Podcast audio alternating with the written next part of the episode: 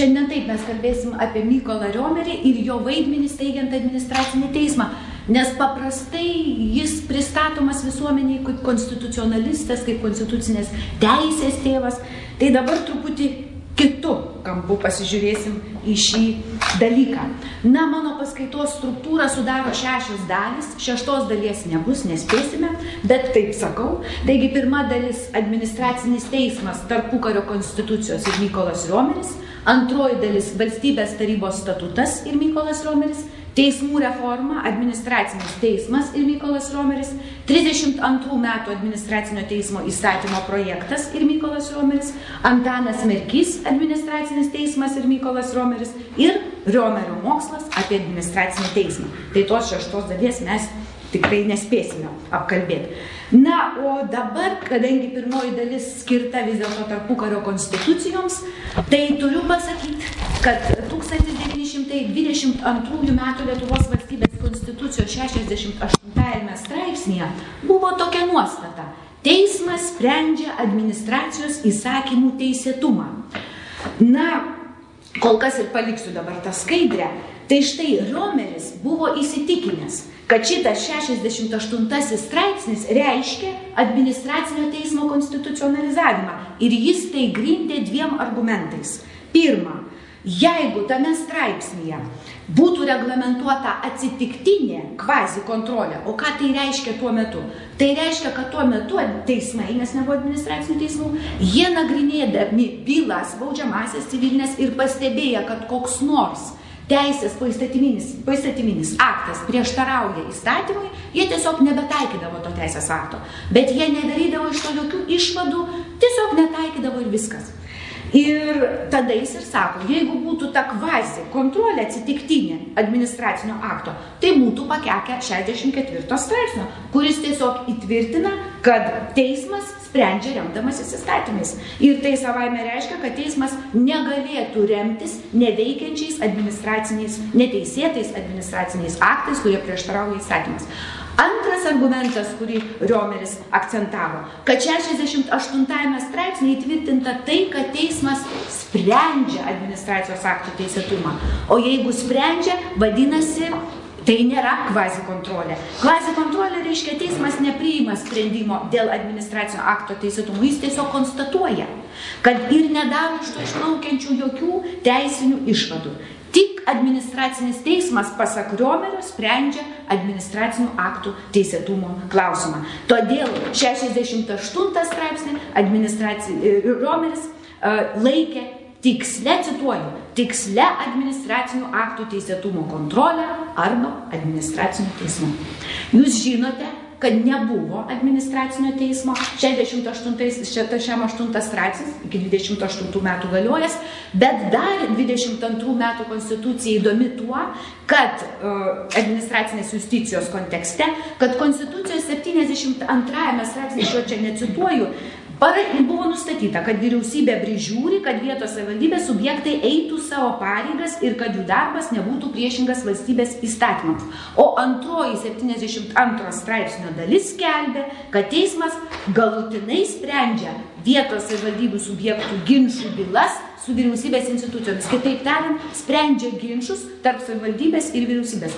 Aišku, kad Romeris buvo įsitikinęs, kad čia negali būti civilinis E, civilinės prigimties teisinis ginčas, tik administracinis, jis kyla iš viešosios teisės konfliktų.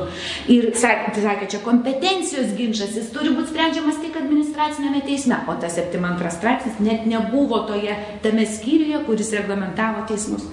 Taigi, aišku, iš kur šitos jo žinios? Iš valstybės Prancūzijos valstybės tarybos jurisprudencijos ir iš ginčių tribunolo Prancūzijoje, nes jis be galo domėjosi Prancūzijos administracinė teisė, kur ir gimė iš tikrųjų administracinė teisė, kaip mes ją dabar suvokiam Prancūzijoje. Taigi jis tą teoriją apie kompetencijos ginčius perėmė iš Prancūzijos ginčių teismo jurisprudencijos. Dabar kita konstitucija, gal aš jos čia nepavaizdavau, 28 metų konstitucija. Jos penktas skyrius buvo skirtas teisminiams, teisminiai valdžiai. Tiesą pasakius, tą penktą skyrių Riomeris įvardžio po perversminę deklaraciją. Ir jis tvirtino, kad sudarytas jis iš penkių skyrių straipsnių, tas penktasis skyrius reglamentavęs teisminę valdžią ir tie penki skyriai žodis į žodį kopijavo 22 metų Lietuvos valstybės konstitucijos straipsnius. Bet tenai nebuvo straipsnio apie administracijos aktų teisėtumo kontrolę. Tai yra nuostatos apie administracinį teismą arba jo funkciją, kuri buvo konstitucionalizuota 22 metų Lietuvos valstybės konstitucijoje. Na, aišku, Romeris tą dalyką konstatavo, galbūt 28 metais konstitucijos lydėjas šį nuostatą išmetė iš konstitucijos dėl to, kad greičiausiai konstitucijos leidėjų kilo abejonės dėl administracinio teismo reikalingumo Lietuvoje, gal net ir tam tikras nusistatymas prieš šią instituciją. Teisininkas padarė išvadą tokią, Ir aš dar vieną kartą ją kartosiu šiandien, kad administracinio teismo šalininkais Lietuvoje visada buvo opozicijoje esančios politinės partijos ar srovės, o atsidūrusios valdančiosiose pozicijose jos pakeisdavo savo nuomonę ir jau reikšdavo abejonių, ar tikrai reikalingas tas administracinis teismas. Ir štai kaip jis savo dienoraščiuose šitą dalyką rezumavo. Galima sakyti, kad administracinis teismas Lietuvoje buvo mėgiamas opozicijos ir nemėgiamas valdančiųjų. Riomerio žodžiais galima įsitikinti ir paskaičius Steimo stenogramas. Antai ministras pirmininkas Valdemaras 27 metais, jis dabar nepacituosiu tiksliai, bet jis yra pasakęs, kai, jis ke, kai e, skaitė vyriausybės deklaraciją Seime, jis pasakė, pagalvokite, kaip gali, galės valdininkai, tuo metu tas žodis buvo įprastas, kaip galės valdininkai dirbti, kaip jie psichologiškai jausis, jeigu kažkoks elementas teisininkų tikrins jų darbus. Ir dar jis ką pasakė, bet buvo ir tiesos tuose žodžiuose dėl ko? Todėl, kad jis pasakė štai kokį dalyką. Administracinis teismas tai yra valdžios aparato viršūnė, o ne pamatas. Jo reikia baigti suderintą valstybės aparato veikimą, o ne nuo jo pradėti. Dalis tiesos yra. Kaip žinote, valstybės tarnybos įstatymų nebuvo iki pat 40 metų, nebuvo ir administracinių procedūrų kodifikavimo, nors toks aktas buvo pradėtas rengti 25 metais apie administracinės procedūras, bet tik ranka rašyta jį radau, tik vieną tokį egzempliorių. Na, žodžiu, nebuvo nusiteikimo tam administraciniam teismui. Riomeris savo Lietuvos konstitucinės teisės paskaitose, jisai kalbėjo ir apie administracinį teismą nemažai ir jis įvardijo tos šabloniškus argumentus prieš administracinį teismą. Pirma, Lietuvos valstybė per jauna, čia jis ką išgirdęs, taip rezumavo, Jos administracijos aparatas naujas, valdininkai nepatyrę, neturintis administracijos veiklos tradicijų. Kitas argumentas - administracinis aparatas remiasi vyresnybės, politinės vadovybės nurodymais ir gabumais, o ne valdininkų tarnybiniais sugebėjimais. Administracinis aparatas lankstus, nes yra valdančiųjų rankose, Kitas argumentas - jauno administracijos aparato veikla būtų ardoma, jeigu į jo darbą įsikištų svetimas teisininkų elementas, nepatenkantis į administracinę hierarchiją ir spręstų dėl jos priimtų administracijos aktų teisėtumo. Taip būtų kompromituojamas administracijos vyresnybės autoritetas ir painiojamas administracijos darbas. Na, jisai pabandė šiuos argumentus paneigti savo tose paskaitose. Pirmiausia, tai įstebino tai, kad į administracinio teismo teisėjus buvo žiūrima kaip į valdančiųjų priešus kurie iš anksto bus nusistatę visur prezumuoti visur, kur tik įmanoma neteisėtumą. Teisininkas sakė, nu, Riomeris sakė, svarbu nustatyti labai atrankos į administracinę teismą tvarką, dėl, dėl kurios į jį patektų. Dabar noriu jum pacituoti. Kas turi patekti į administracinį teismą? Žmonės ir valstybiškai nusistatę, kurie į savo darbą nežiūrės kaip į griovimo sportą, kuriame būtinai reikės skipti prie kiekvienos mažiausios smulkmenos, kad tik tai suardžius kiekvieną aktą. Ir žmonės, prityrę valstybinėje veikloje su administraciniu stažu, žmonės atsargus, nusimana sudėtingose valstybinėse problemose. Citatos pabaiga. Taip pat jisai pabrėžė administracinio teismo misiją kokia? Iš anksto pašalinti tam tikrą pavojų. Bet to jis nurodė, kad administracijos tvarkymasis tuo metu buvo vis toks atsitiktinis, kazuistinis, kaip jisai sakė, sritinis. Kodėl? Nes vienos įstaigos, vienos institucijos, kiekviena institucija savai paaiškino teisės aktus. Viena taip, kita taip, viena taip įsivaizdavo administracinę teisinę problemą, kita kitaip įsivaizdavo. Ir jisai sakė, o administracinis teismas užtikrintų, citata, teisinę harmoniją, teisinį vieningumą Taigi Riomerio nuomonė tikrai nebuvo verta iš anksto bijoti administracinio teismo ir jo vengti. Be to jis įvardijo dar du baimės aspektus. Pirma, baiminamasi tokio administracinio teismo teisėjo, kuris vadovaujasi principu fiat justicija, periat mundus. Svarbiausia teisingumas, o pasaulis tegu žlunga. Taip, reiškiančių šiame kontekste, kad bet kurią kainą įkyriai siekiama teisingumu. Antras baimės aspektas - baiminamasi tokio teisėjo, kuris pateisins valdančiųjų neteisėtus veiksmus ir vadovausis principu salius republike, suprema lex esto. Tai yra valstybės saugumas ar gerovė yra aukščiausias įstatymas. Taigi du kraštutinumai tokie. Ir dar jis, uh, žodžiu, Pat, paste, dėl tos 28 metų konstitucijos, kadangi išnyko iš ten štai ši nuostata, jisai truputį save ramino ir sakė, kad tai tik tai dekonstitucionalizavo administracinį teismą, bet tai nereiškia, kad įstatymų leidėjas jo negali įsteigti. Jį galima buvo įsteigti, nors jis ir nepaminėtas konstitucinėme teisme. Jis ir daug kategoriškesnių dalykų buvo pasakęs apie tą 68 straipsnio išnykimą 28 metų Lietuvos valstybės konstitucijoje.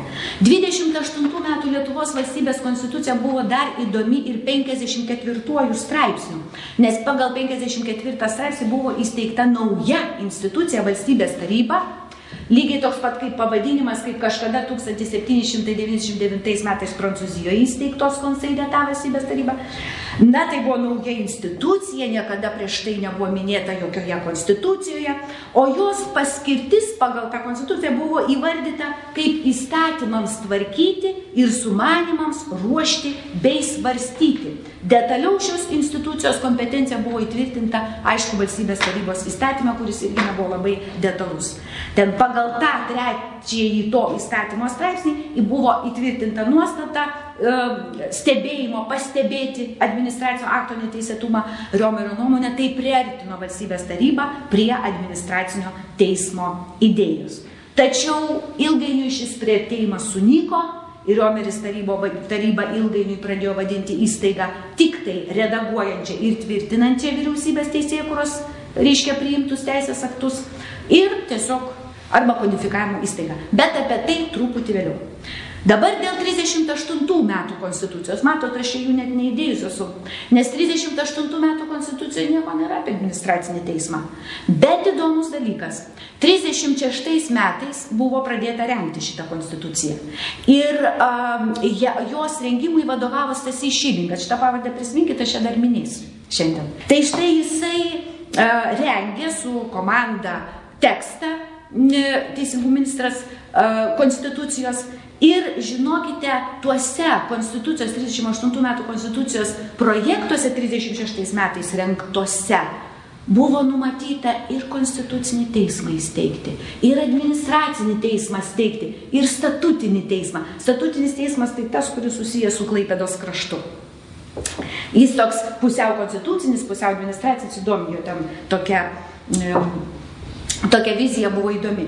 Taigi Riomeris dienoraštyje minėjo šios projektus, jis labai dėl jų džiaugiasi, jie jam labai patiko. Ir taip pat jis dienoraščiuose atkreipė dėmesį, kad ir Stasys Šilingas, teisingumo ministras, o vėliau prieš tai valstybės tarybos pirmininkas 28 metais įsteigtos, jis labai didžiavosi šiais projektais, bet čia 36 metai, taip. Ir pabrėžė tai, kad tai teisminės valdžios elementas, taip e, reiškia grindžiamas teis, įsteigiant administracinį ir konstitucinį teismus. Na, projektai buvo išsiusti Riomeriui, kad jis pasakytų savo nuomonę, savo išvalgas, tačiau kažkuriame viešame susitikime susitiko jis ir Šilingą Stasį, ir Konstantiną Račkauską valstybės tarybos referentą ir jie jam pasakė, gali neskaityti, nepraeis šitie projektai.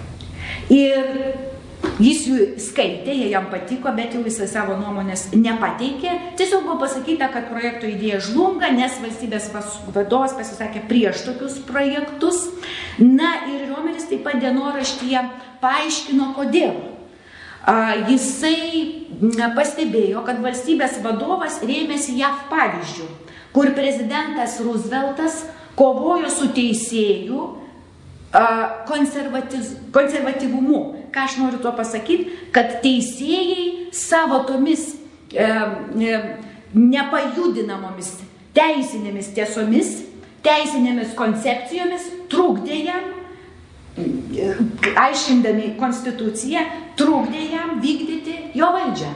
Taigi e, mūsų valstybės vadovas sekė Roosevelto va tokią tradiciją.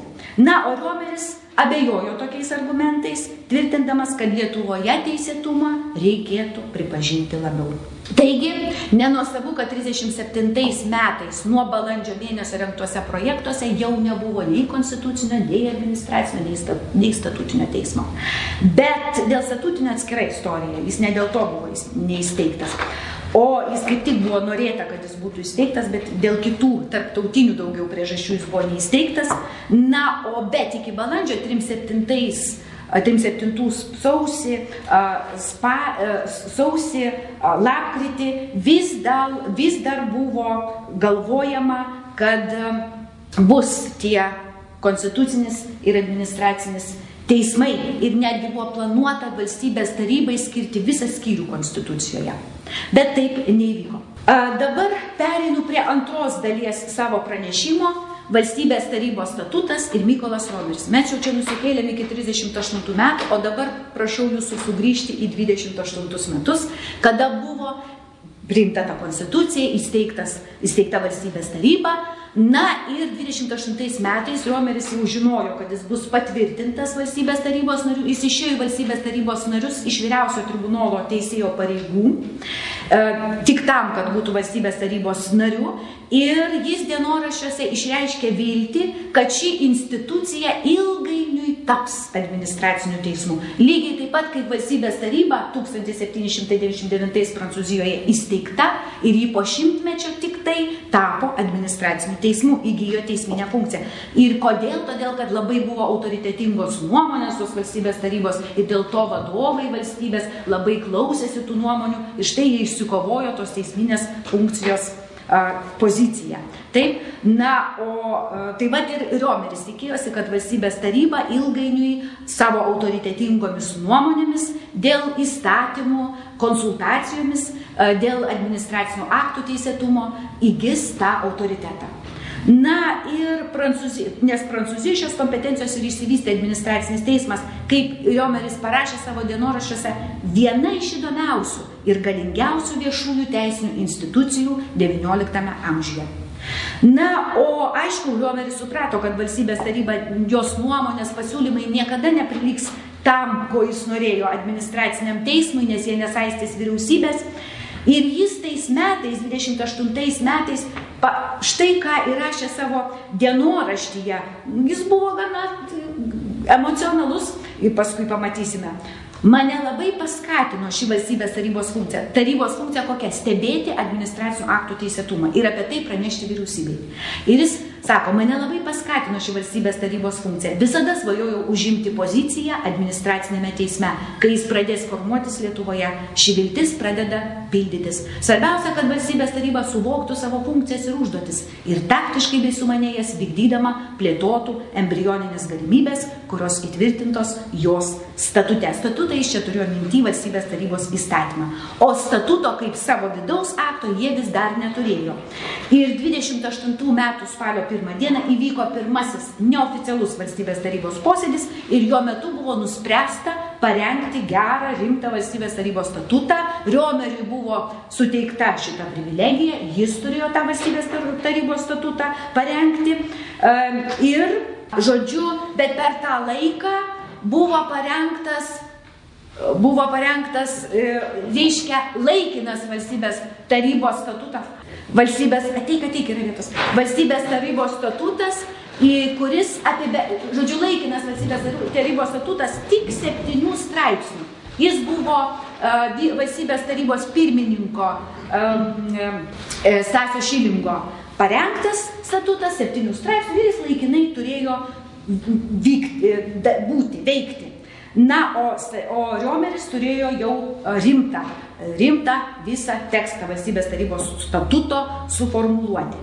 Na ir štai jis tą padarė, jis tą padarė ir mm, tiesą pasakius, tą septynių straipsnių statutą jis pavadino bespalviu, pateikiančių tik su išorinė tarybos organizacija susijusius aspektus E, ir dar pasakė, kad tame statute, laikinajame statute nebuvo nie žodžio apie administracinių aktų teisėtumo priežiūrą.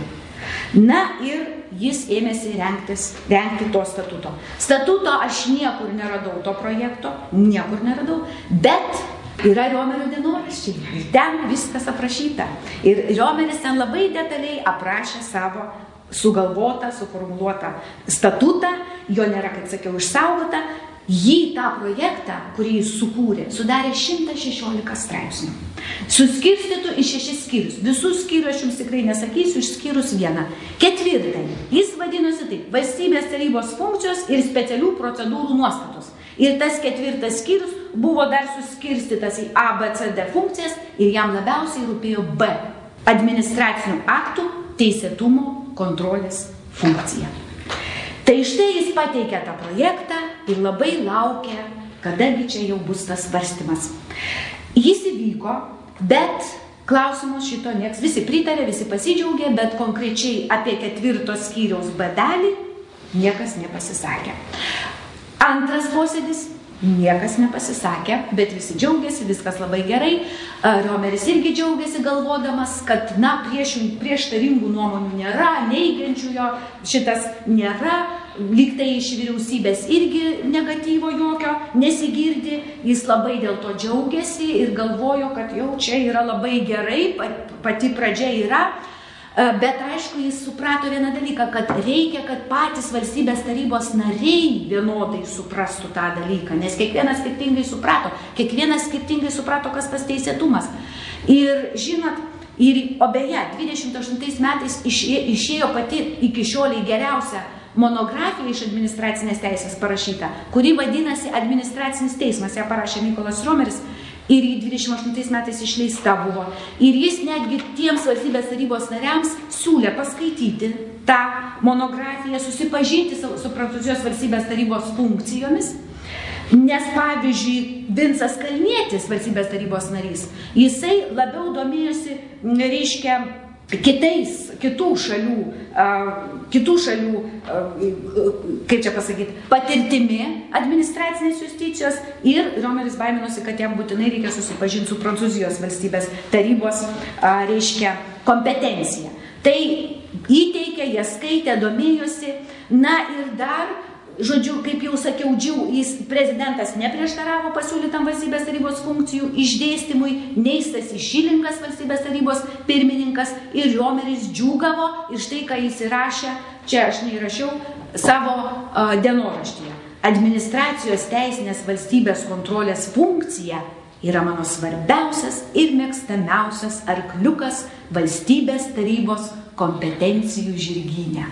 Vis dėlto ir toliau konkrečių kalbų nebuvo dėl to ketvirtos skyriaus B dalies.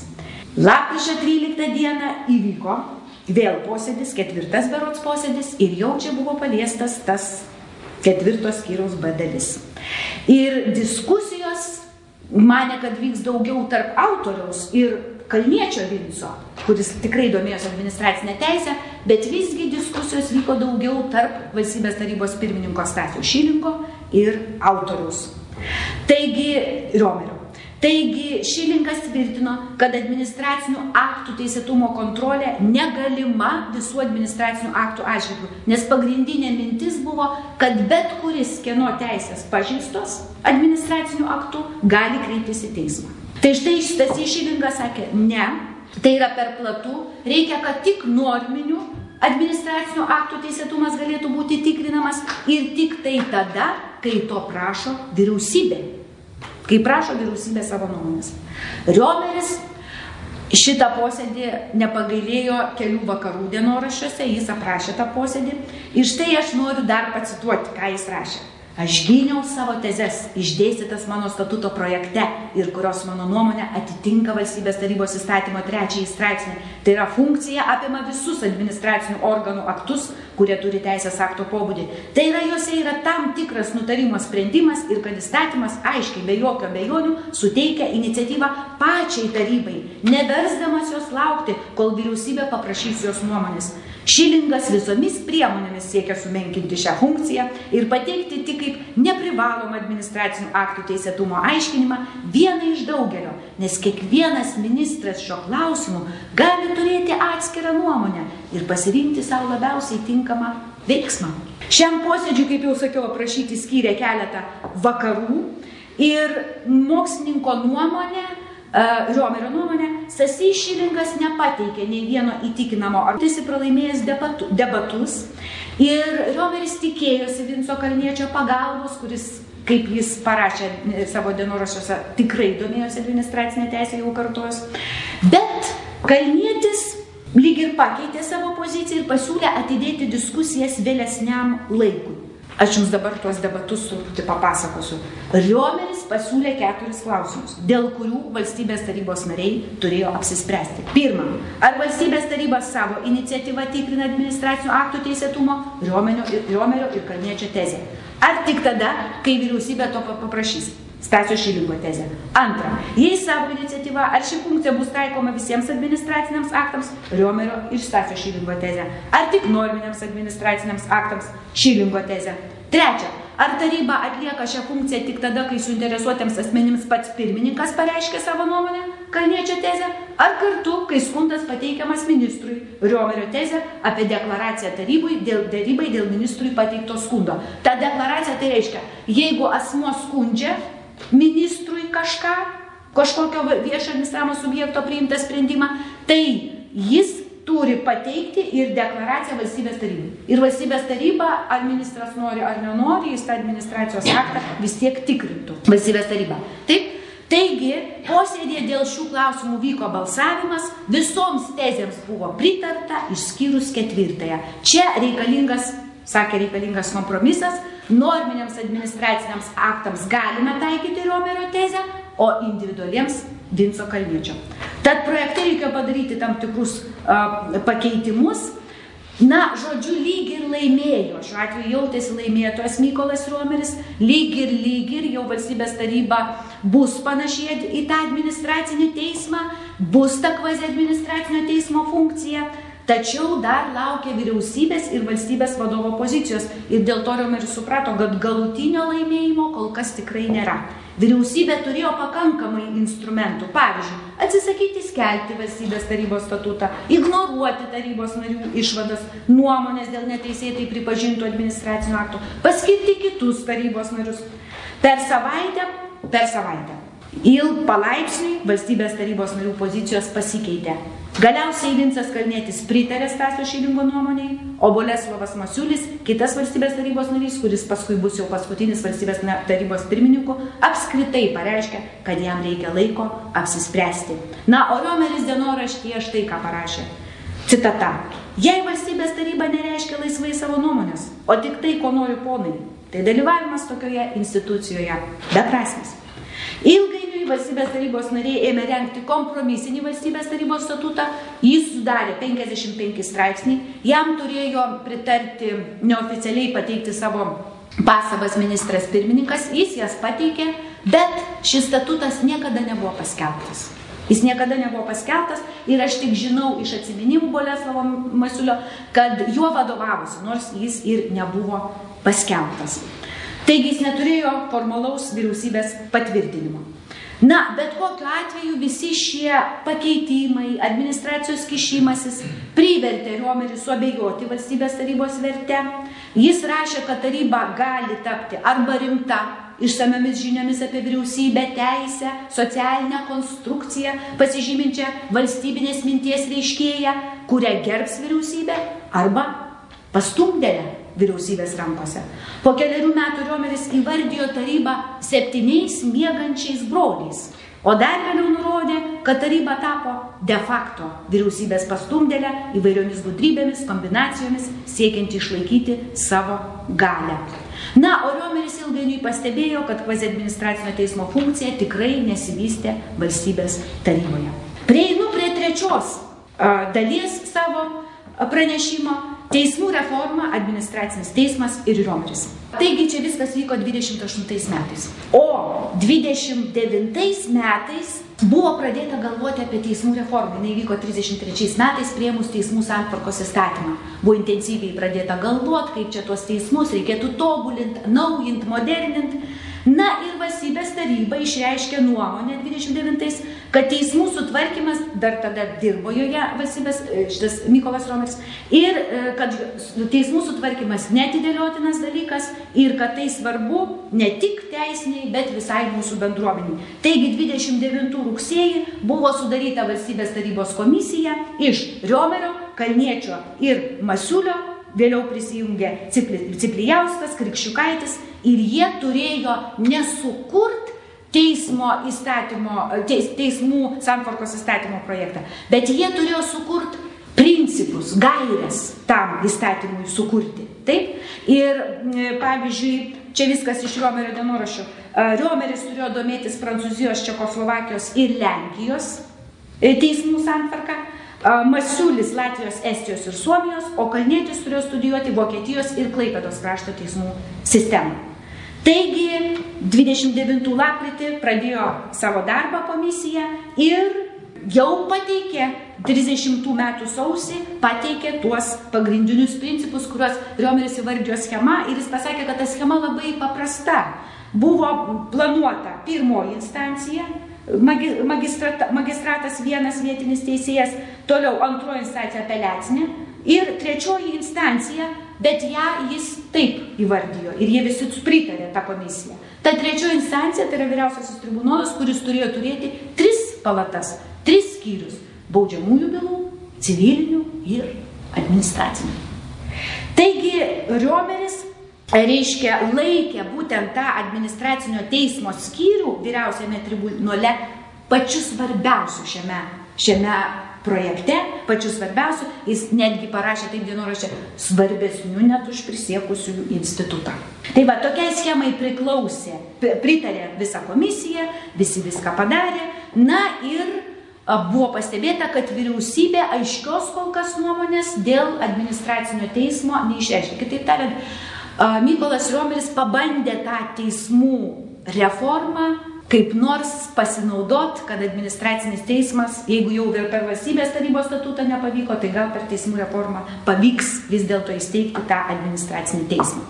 Vyriausybė nebuvo, nebuvo iškaus atsakymų iš vyriausybės, na ir komisija ėmė renkti teismų santvarkos įstatymą. Ir 31 metų kovo 18 dieną Valstybės taryba pirmą kartą svarstė Riomerio parengtas nuostatas dėl administracinio teisminio proceso, kuris turėjo būti įtrauktas į tą teismų santvarkos įstatymo projektą. Šitas administracinio teisminio proceso projektėlis sudarė 30 straipsnių Jie buvo parengti atsižvelgiant į Lenkijos administracinio tribunolo įstatymo pagrindą, na ir kai kurie papildymai iš Prancūzijos administracinių bylų nagrinėjimo procedūros. Taigi administracijos teismo statusą ir kompetenciją, kitaip tariant, administracinio teismo funkciją buvo tikėtasi kaip nors įtraukti į teismų santvarkos įstatymo projektą. Na ir šiomis nuostatomis būtų buvęs Lietuvoje įsteigtas administracinis teismas. Riomeris šias nuostatas laikė, cituoju, viso projekto pošmena ir pasididžiavimu. Na, jis e, tas nuostatas sugrupavo tokias pagrindinės keturias grupės, bet aš galbūt dabar neminėsiu. Žodžiu, buvo aiškiai numatyta, kad administracijos aktai turi būti, jų teisėtumas turi būti tikrinamas. Na ir Buvo taip pat planuota, kad e, vyriausiame tribunole, taip, vyriausiame tribunole, žodžiu, jis vienintelis tas administracinis teismas visai teritorijai, nes jis bijojo net ir pagalvoti, pasiūlyti, kad gali būti dar kelių instancijų administraciniai teismai, jau, jis apie tai jau net nesvajojo. Nors, kad valstybės tarybos skyrius toksai būtų, Tai štai, pagal projektą į administracinį teismą galėjo kreiptis uh, suinteresuotas asmuo, o projekte tai skambėjo taip, kurio teisėtas reikalas administraciniu aktu užgautas. Ir Šilingas Tasys skaitydamas irgi tą projektą akcentavo, kad net nebuvo reikalaujama, kad būtų pažeista subjektyvioji asmens teisė. Ir netgi projekte buvo numatyta, kad administracinis teismas galėjo išimtiniais atvejais stabdyti administracinio akto galiojimą, patenkinti skundą, panaikinti aktą pareiškėjų, kaip tada sakė, skundėjų ir suinteresuotų asmenų atžvilgių. Apie šį 30-31 metais parengtą 30 straipsnių Vėliau kalbėjo Stasys Šilingas 36 metais Seime. Nes kodėl aš truputį vėliau pasakysiu, o ką jis tada sakė tame Seime? Jisai sakė, kad kokias jis pagrindinės mintis išdėstė Seime. Jis pasakė, Lietuvoje administracinis ir taip teismas veikia ir atskiro kurti nereikia. Pirma, kai kodėl? Kai kuriais atvejais vyriausiasis tribunolas veikia kaip administracinis teismas, bet labai retais atvejais. Antra, Lietuvos teisinėme reguliavime buvo numatyti pačios administracijos dariniai įvairios komisijos, jų buvo apie 60. Trečia, skundams dėl viešosios tvarkos įstatymų vykdymo nereikalinga teisminė instancija įsitvirtino. Ir ketvirta, kol nėra priimtas valstybės tarnybos įstatymas, tarnautojai negalėtų savo teisų ginti administracinėme teisme. Taip jis paaiškino ką?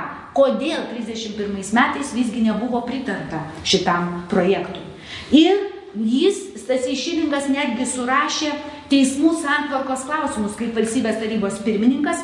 31 jau grįžtam vėl iki 31 metų ir jisai šiuose ministrų kabinetui pateikė tokius klausimus. Ar ruošiama teismų santvarkos įstatymą dėti administracinį teismą? Ar rašyti įstatymę, kam priklausys keliami vyriausybės nariams, valstybės ir savivaldybės tarnautojams ieškiniai dėl nuostolių padarytų einant pareigas? Na ir iš tikrųjų, patvirtint, patvirtinant Stasio Šilingo šituos prisiminimus išreikštais, išreikštus 36 metais, ministrų kabineto posėdžio protokolas radau 31 metų birželio 9 dieną ir ten buvo pagal tą protokolą pasiūlymas įteisinti administracinį teismą teismų santvarkos įstatymę buvo atmestas, tvirtinant, kad reikia gilesnių studijų, detalesnio apsvarstymo, nes, cituoju, įvedama Lietuvoje svarbi naujiena ir stambi administracinė ir teisinė reforma. Ir paskatino renkti atskirą administracinio teismo įstatymą atskirai nuo teismų santvarkos įstatymą. Na ir aišku, į tuos Stasio Šilingo žodžius Ministrų kabinetas atsakė taip. Administracinį teismą išskirti iš teismų santvarkos įstatymo projekto. Teismų santvarkos projekte nežymėti, kam priklausys keliami vyriausybės nariams, valstybės ir savivaldybių tarnautojams ieškiniai dėl nuostolių padarytų tarnybos pareigas einant. Šis klausimas ryšamas su administracinio teismo klausimu. Taigi, tačiau Riomeris 31 metų birželio 10, tai yra diena po to posėdžio, dienoraštyje ką parašė. Pašalinus administracinį teismą, projektas neteko didžiausios vertės. Po vakarykščio posėdžio buvo pikta ir liūdna. Taigi šio projekto nesėkmė vertė riuomenį mąstyti apie išėjimą iš valstybės tarybos. Tai buvo pagrindinė priežastis, dėl kurios jis išėjo. Mokslininkas prisipažino, kad dirbo dviejus metus prie šio projekto kantriai ištvėrė smūgius, tikėdamasis administracinio teismo įsteigimo kaip didžiausio turto ir nepaprastai teigiamos reikšmės turinčio veiksnio visai teismų reformai. Buvo begalinis nusivylimas, bet nepaisant to, 32 metais valstybės tarybos teismų sutvarkymo komisija pateikė atskirą administracinio teismo įstatymo projektą, tai mano ketvirtoji dalis, Aš užtruksiu ilgiau negu 45 minutės, maždaug valandą, tai dar 15 minučių tikrai. Labai pasistengsiu kaip nors greičiau. Taigi, 32 metais pateiktas administracinio teismo įstatymo projektas, kaip jau sakiau, administracinio teismo funkcijos inkorporuoti į valstybės tarybos statutą nepavyko, nepavyko jo inkorporuoti ir į teismų santvarkos įstatymo projektą, bet Riomeris nenuleidžia rankų ir 32 metais pateikia atnaujintą, sumodernintą administracinio teismo įstatymo projektą. Pagaliau juk ir ministrų kabinetas įgaliojo tą padaryti. Taip, tai buvo formaliai paprašyta, galima sakyti taip. Aišku, tai vadinosi e, valstybės tarybos statu, valstybės, valstybės tarybos komisijos pateiktas projektas. Tačiau pagrindinis iniciatorius buvo aišku Riomeris. Nes jisai iš, iš aiškinamojo rašto ir iš to projekto, jis beje mano monografijoje yra pateiktas, prieduose viskas yra, galima pasiskaityti, pasižiūrėti, kaip atrodė tas projektas. Ir beje, aš jį radau šioje bibliotekoje, ilgai ieškau, dvi savaitės ieškojau, kol radau, tai labai, labai džiaugiausi, kad radau tą projektą, būtent šešiuose rūmose. Taigi, žodžiu, Aišku, kad iniciatorius buvo Romeris ir aišku, kad ten jo padarytas projektas, nes jis ir vėliau 40 metais, kai rašė vieną straipsnį apie 40 metais parengtą administracinio teismo įstatymo projektą, jis ir vadino šitą 32 metų projektą mano. Ir jis parašė legendinį aiškinamą įraštą tam administracinio teismo įstatymo projektui, jis vertas paskaityti, ypač administracinio teismo teisėjams ir teisėjų padėjėjams. Ir jis iš tikrųjų, dar kodėl aš manau, kad ir be jo žodžio manau, kad jis rašė, o ne komisija visa. Todėl, kad ten labai buvo specifinės žinios pateiktos iš administracinės teisės. Deja, bet realiai vienintelis profesionaliai domėjosi administracinė teisė tik Nikolas Rombis. Vėliau atsirado jau kitų dar žmonių, bet apie 36 metus jie pradėjo jau rodytis. Taigi, na ir ką rašė savo tuo metu prieš pateikdamas tą projektą Mykolas Romeris savo dienoraščiuose, jisai rašė, aš prikelsiu šią idėją. Reikia kalti geležį kol karštai ir neleisti šio teismo idėjai išblisti. Kodėl? Jisai dar nematė to visiškai negatyvaus požiūrio į administracinį teismą, dar lyg ir baimintasi buvo aiškiai pasakyti, nereikia mums to jūsų administracinio teismo.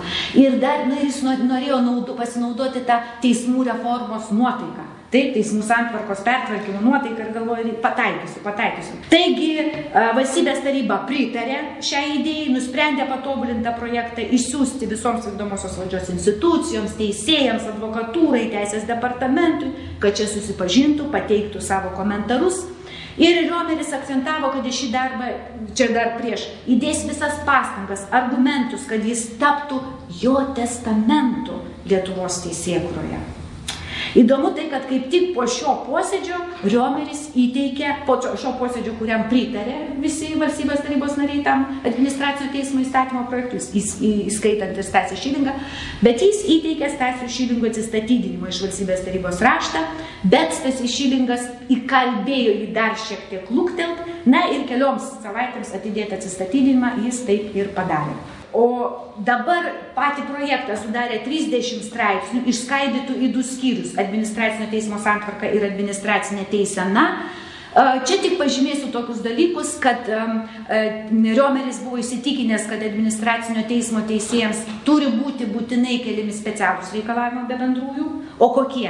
Pirma, turi būti ištarnavę valstybės tarnyboje ne mažiau kaip devynerius metus, eidami bent keturioliktos, nu, tenai, tais laikais, kategorijos tarnybinės pareigas arba apskrities viršininko pareigas, arba turėti, pavyzdžiui, bent šešerius metus Lietuvos universitete valstybinės administracinės arba finansinės teisės profesoriaus ar docento pareigas. Ir jis rašė ten tame legendinėme iškinamajame rašte, geriausias profesinis teisėjas civilistas gali būti menkas administracinis teisėjas, kuriam tenka visai kitokioje teisinėje santykių srity orientuotis.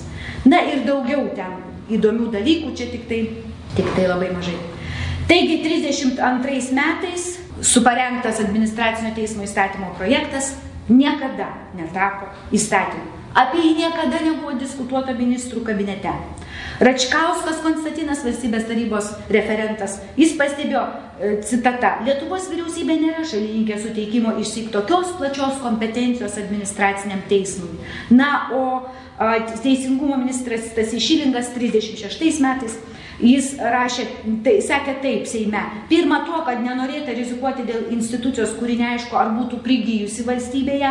Antra tuo, kad Lietuvoje yra gausybė institucijų galinčių spręsti administracinius skundus ir tai numatyta atskiruose įstatymuose. Trečia tuo, kad Lietuvoje jau yra administracinis teismas ir tai yra vyriausiasis tribunolas. Ketvirta tuo, kad nebuvo priimtas vėlgi tas pats valstybės tarnybos įstatymas. Na, o Riomeris vėlgi padarė tą pačią išvadą, kai tik tai opozicijoje, vienai, kai tik tai valdančiosiose vėl jau administracinio teismo klausimų tampa kritiški politikai.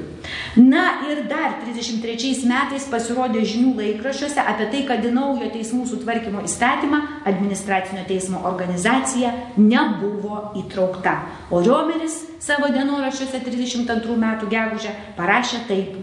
Esu įsitikinęs, kad Šilingas padarė didelę klaidą priešindamas mano pastangas, priešindamasis mano pastangoms savo laiku plėtoti administracinio teismo funkciją taryboje Tai priverstų tarybą veikti ir padarytų ją viena iš gyvų ir aktyvių valstybės mechanizmo institucijų. Klausimas nutilo iki 36 metų. Nutilo, Riomeris jau nuleido rankas, jau jisai nuėjo į akademiją, į akademinės veiklas ir Bet prisiminkit, kaip aš jums pasakoju, 38 metų konstitucija 36 metais pradėta renkti ir Stasys Šylingas buvo už tai, kad joje būtų įtvirtintas ir konstitucinis teismas, ir administracinis teismas. Tai va 36 metais vėl iškilo administracinio teismo klausimas. Na, o gyviausiai jis iškilo e, 37. Na, pagaliau 36 metais buvo išrinktas po ilgų metų neturėjimo Seimo, buvo išrinktas Seimas. Ir e, ten Seime buvo išrinkta peticijų komisija. Ir ta peticijų komisija 37 metais, kuriai vadovavo Antanas Merkys, už tai čia ir vadinasi Antanas Merkys administracinis teismas ir Riomeris, jisai tai peticijų komisijai vadovaudamas pastebėjo, kad begalės skundų, begalės skundų ir tie skundai visai ne peticijos. O dėl administracinių aktų skundžiasi žmonės ir neturi kur skūstis, nėra kam pasiskūsti. Nes valstybės vyriausiasis tribunolas tik tai dėl keleto dalykų, dėl keleto ten slyčių nagrinėjo administracinių aktų teisėtumą. Tai vad ir jisai padarė išvadą, kad administracijos teismo įsteigimas krašte yra būtinas ir netidėliotinas. Ir remdamasi Seimo statutu, jisai pasiūlė Seimui renkti administracinio teismo įstatymo projektą ir taip pat pasiūlė ir komisiją iš karto daryti. Nu, į tą komisiją jis buvo jos pirmininkas, o visi kiti tik sakė, turi būti tik teisininkai, nes čia reikės spręsti išskirtinai, grinai teisės klausimus. Va tada kaip tik ir kilo tas klausimas Seimo nariams 36 metais, su kuriuo jie kreipėsi į teisingumo ministrą, o klausimas buvo toks, ar daro ponas ministerijus kurių nors žygių įsteigti Lietuvoje administracinį teismą. Tai va tada 36 metais Seime uh, Sasi Šilingas, būdamas teisingumo ministras, ir pasakojo, kodėl 32 metais nebuvo vis dėlto tas administracinis teismas patvirtintas vyriausybės. Taigi, na, o Merkys išklausęs tada Stasio Šilingo visiškai pasipriešino, prieštaravo ir jis sakė taip. Pirma, buvo tik vos keli atvejai, kai vyriausiasis tribunolas veikia kaip administracinis teismas. Antra, nebuvo vienos institucijos, kuri vienodai aiškintų įstatymus ir tuos, aiškin, tuos aiškinimus skelbtų. Nespėjama, reiškia, nu, tuo sudarytų lyg ir naujus teisės, nu žodžiu. Trečia, jeigu būtų įsteigtas administracinis teismas, valdininkai atidžiau priimtų sprendimus, jisai sakė. Ketvirta, nesteigiant administracinio teismo, keliolika tūkstančių valdininkų liko be teisės ginti savo teisės. Ir nesvarbu, ar valstybės tarnyba reglamentuojantis teisės aktai buvo išsamus ar ne. Na ir dar Lietuvoje, sakė, veikia įvairios komisijos, kurių dažnai sudėtis keisdavosi ir dar galiu labai trūko teisininkų tarpukario Lietuvoje ir paprastai būdavo taip, kad tose komisijose dirbę teisininkai, jie priimdavo sprendimus, taip, institucijose. Ir tada žmonės apskūsdavo komisijoms tas sprendimus, o tose komisijose dirbdavo tie patys teisininkai, kurie priimdavo skundžiamus sprendimus. Taigi buvo tokia be, be išeities situacija. Taigi, baigdamas kalbą, Merkys akcentavo, kad atėjo laikas parengti administracinio teismo įstatymo projektą, na ir buvo išrinkta komisija. Taigi, galiu pasakyti, kaip reagavo Merkys, ne Merkys, bet Mykolas Romeris. Mykolas Romeris skeptiškai reagavo. Jisai sakė taip, Riomeris netryško tikrai optimizmu ir 37 balandį rašė savo dienorašyje, dauguma Seimo narių neišmano šio reikalo, neturi gilesnės valstybinės ir teisinės kultūros. Mes vis dar turime daug tamsybės. Na, o kitas augantis žvaigždė administracinės teisės Stasys Žakevičius 36 gruodį laiške biržiškai rašė, kad jei ką ir turėsime, tai bus labai nereikšmingas administracinis teismas, proga naujoms vietoms gauti. Žodžiu, buvo skepticizmas visiškas. O apie vyriausybę ir jos požiūrį į administracinį teismą atsiliepia taip e, Riomeris. Vyriausybė bijo administracinio teismo ir laiko į prabangą bei teisininkų prasimanimu. Kita citata. E, čia vėlgi apie poziciją. Pozicija bet jis pastebėjo, kad 37 metais Seime visgi vyrauja palankios nuotaikos, o viskuo rūpinasi Antanas Merkys. Bet Riomeris nebuvo tikras, kad žodis taps kūnu, nes vis dėlto jis matė, kad Vadovybė menkai suvokė administracinę justiciją, nebuvo jos šalininkai, bijojo teismo kišimos į administracijos reikalus.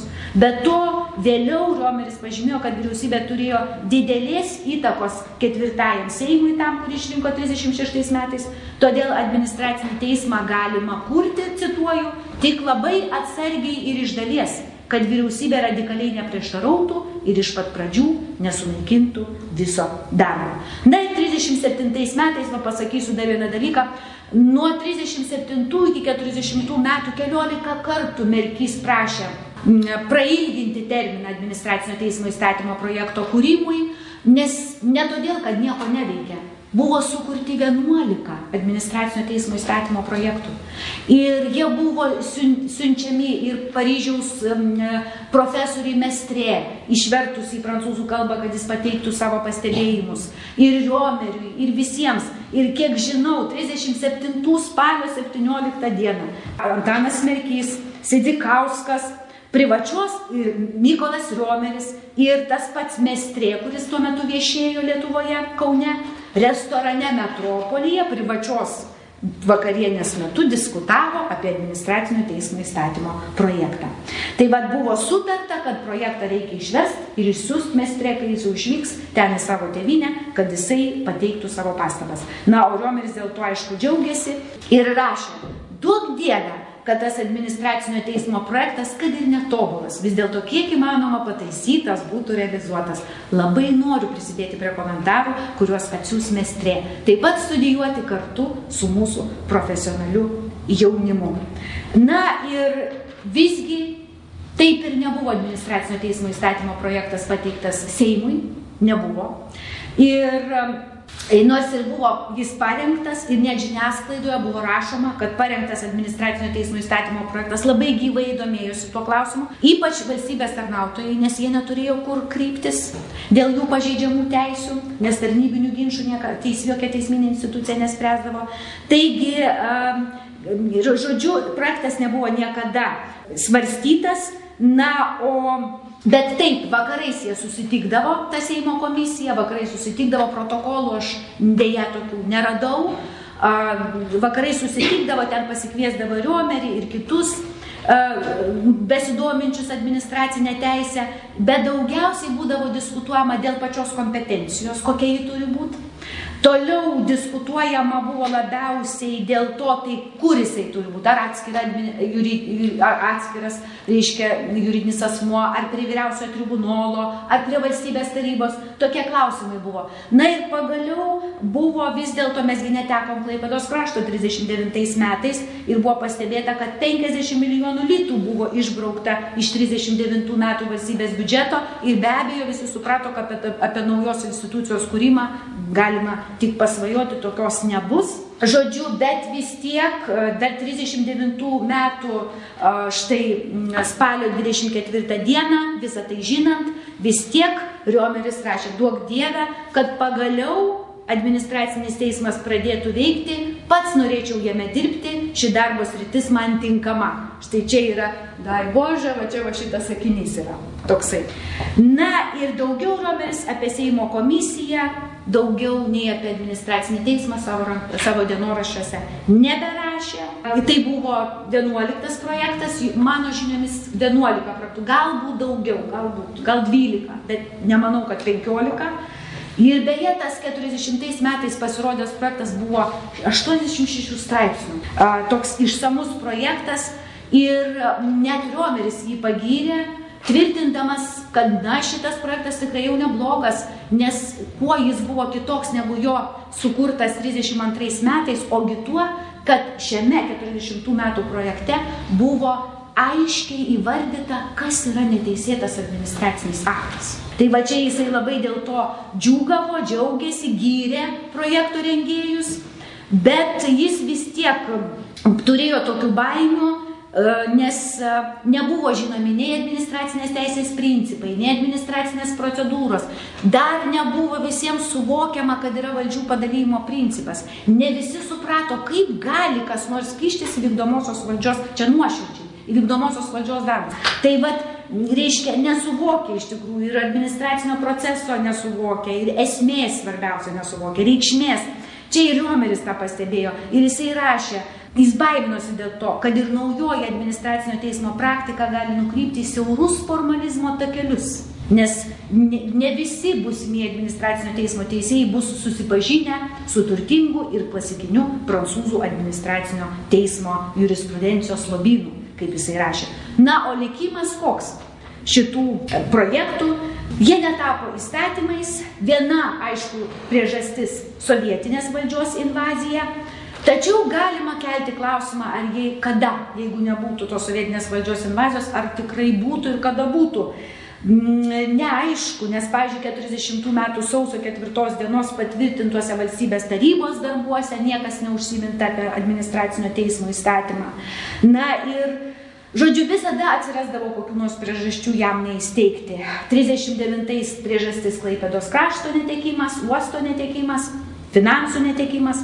Na ir jau toliau visi žinom, kokios tos kitos priežastis. Taigi, administracinio teismo klausimas E, laikotarpį nuo 36 iki 40, net praktiškai nuo 31 iki 40 metų niekada nebuvo diskutuos ministrų kabineto posėdžiuose, nors žiniasklaidoje buvo pasirodę žinių apie tai, kad administracinio teismo projektas rengiamas. O paskutinė tokia žinia buvo publikuota 40 metų kovo. Ačiū.